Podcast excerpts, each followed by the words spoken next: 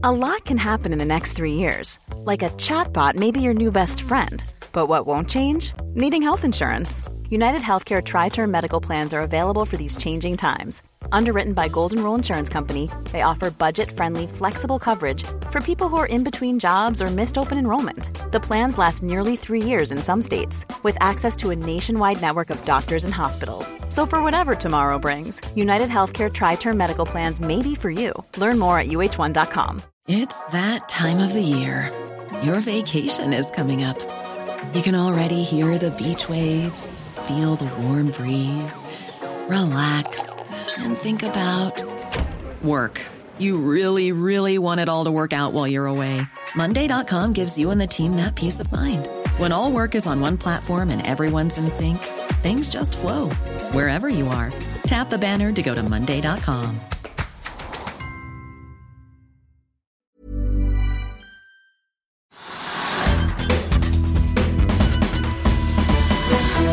Aksjemarkedet jublet ikke da SalMar slapp sine kvartalstall i morges, for aksjen til aksjegiganten den suste ned over 5% Men hvorfor venter markedet tommelen ned? Hvordan vil økende kostnader prege bransjen, og hva kan skje videre med aksjen? Vi tok en prat med en som følger den eh, veldig tett tidligere i dag, for å finne ut eh, mer. Da har vi med oss Kepler Chevreur-analytiker Christian Olsen Nordby. Og Christian, eh, aksjen er jo ned 5,5% i dag til 604 kroner omtrent. Hva tror du fallet skyldes? Fallet skyldes i all hovedsak en miss på earnings i Q3, og så er det jo noe lavere volumforventning på 2022, som gjør at estimatene for 2022 kommer også noe ned, som tilsvarer egentlig fallet i aksjen i dag. Det store ja. Du, eh, ja, for at operasjonelt driftsresultat øker jo med 100 millioner kroner fra samme periode i eh, fjor, men eh, det er kanskje ikke nok? Ja, det er noe med hvor forventningene lå. Og forventningene lå noe høyere i dette kvartalet. Spesielt på altså konsensus lå på salg og distribusjon. Der lå kanskje konsensus litt for høyt. Og der kom selskapet på tapssiden i dette kvartalet. Mens underliggende farming er jo ganske, er ganske sterkt i absolutte tall. Men, eh, men, man måler jo også mot forventningene, og sånn sett er aksjen litt ned på det. da. Ja, altså, Vi må snakke litt om driften her. da. Det er jo rekordhøyt slaktevolum. Det ble jo for så vidt varslet uh, i den resultatoppdateringen som kom uh, litt tidligere her. 52 100 tonn. Uh, samtidig så ser vi jo at de omtaler økte kostnader i kvartalsrapporten. for så vidt virker det som både driftsmessig, men også på, på, flyfrakt, der de har solgt seg inn på fastpriskontrakter. Men så kommer regningen for flyfrakten og annen frakt som er høyere, antar jeg. Er, er dette noe som rammer hele bransjen, eller er det noe spesielt for SalMar? Nei, altså de, Kostnadsinflasjon får jo alle. Det er litt annerledes kostnadsting uh, som SalMar snakker om nå enn det de andre snakker om. Uh, fordi SalMar sine farming-kost er jo ganske lave i kvartalet. Eh, altså I, i Nord-Norge så klarer de 33 kroner kiloen. Det er jo kjempesterkt. Eh, så det er sånn sett eh, den flykosten som de snakker om, den har jo alle opplevd. Men det er klart at SalMar taper litt i dette kvartalet. Den kostnadsbiten som er mest spennende å snakke om, egentlig, det er fòrkostinflasjon inn mot 2022. Og det er gjett du be hva det blir for noe. Men, men SalMar vil ikke snakke så kjempemye om det i dag, i hvert fall. Nei, her, Men det påvirker det SalMar likt med de andre i bransjen, eller? Ja, SalMar kjøper jo fôr de også, som alle andre. Men fordelen til SalMar er jo at de har veldig god biologi. Så de har lavere dødelighet, og da kaster du ikke bort like mye fôr som det alle andre er. Så sånn sett, så, som Gustav Witze selv sa i dag, uh, SalMar burde stå ganske sterkt i, i et kostnadsinflasjonsmarked, og det tror jeg også på. De tar jo ned produksjonsguidingen eh, for Norge noe litt litt opp, unnskyld, men tar den ned for Island og, og eh, Skottland. Hva tenker du om de endringene i prognosene?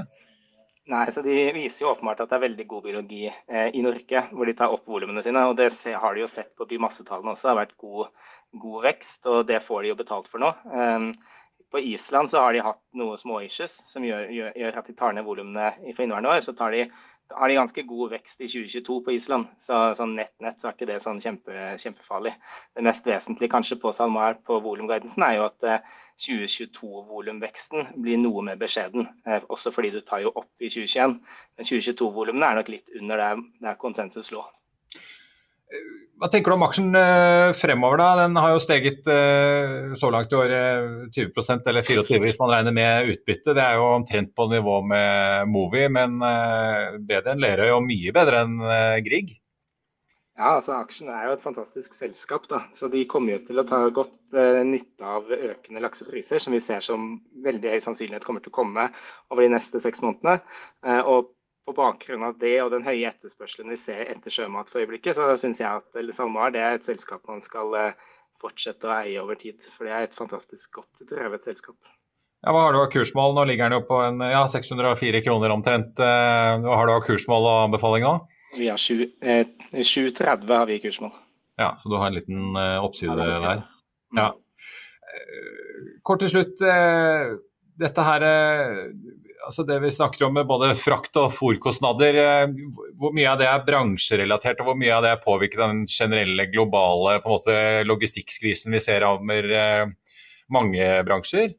Ja, altså Det har vært fly, flykost i laks lenge, fordi at mye av fisken går jo i passasjerfly. Eh, og Spesielt ut i USA så har det vært lite passasjerfly i det siste. Så da har det vært dyrt å få med fisken eh, over til USA. Eh, så dette er ikke noe nytt fenomen. Dette har vært sånn helt siden Q1 2020. Men det er klart at nå som USA åpner opp for turisme, så kommer det til å gå flere passasjerfly. Og da kommer det til å ta med laks over, og da kommer det til å gå litt ned i de kostnadene over tid, ser jeg for meg. Når, når, transporten tar seg opp igjen ordentlig, det er ikke mitt felt å, å tippe på, men det ser jo i hvert fall ganske lovende ut per nå. Kristian Olsen Nordby Kepler Sjøbrød, takk skal du ha. Og eh, SalMar-aksjen er nå ned 3,3% til 616 kroner.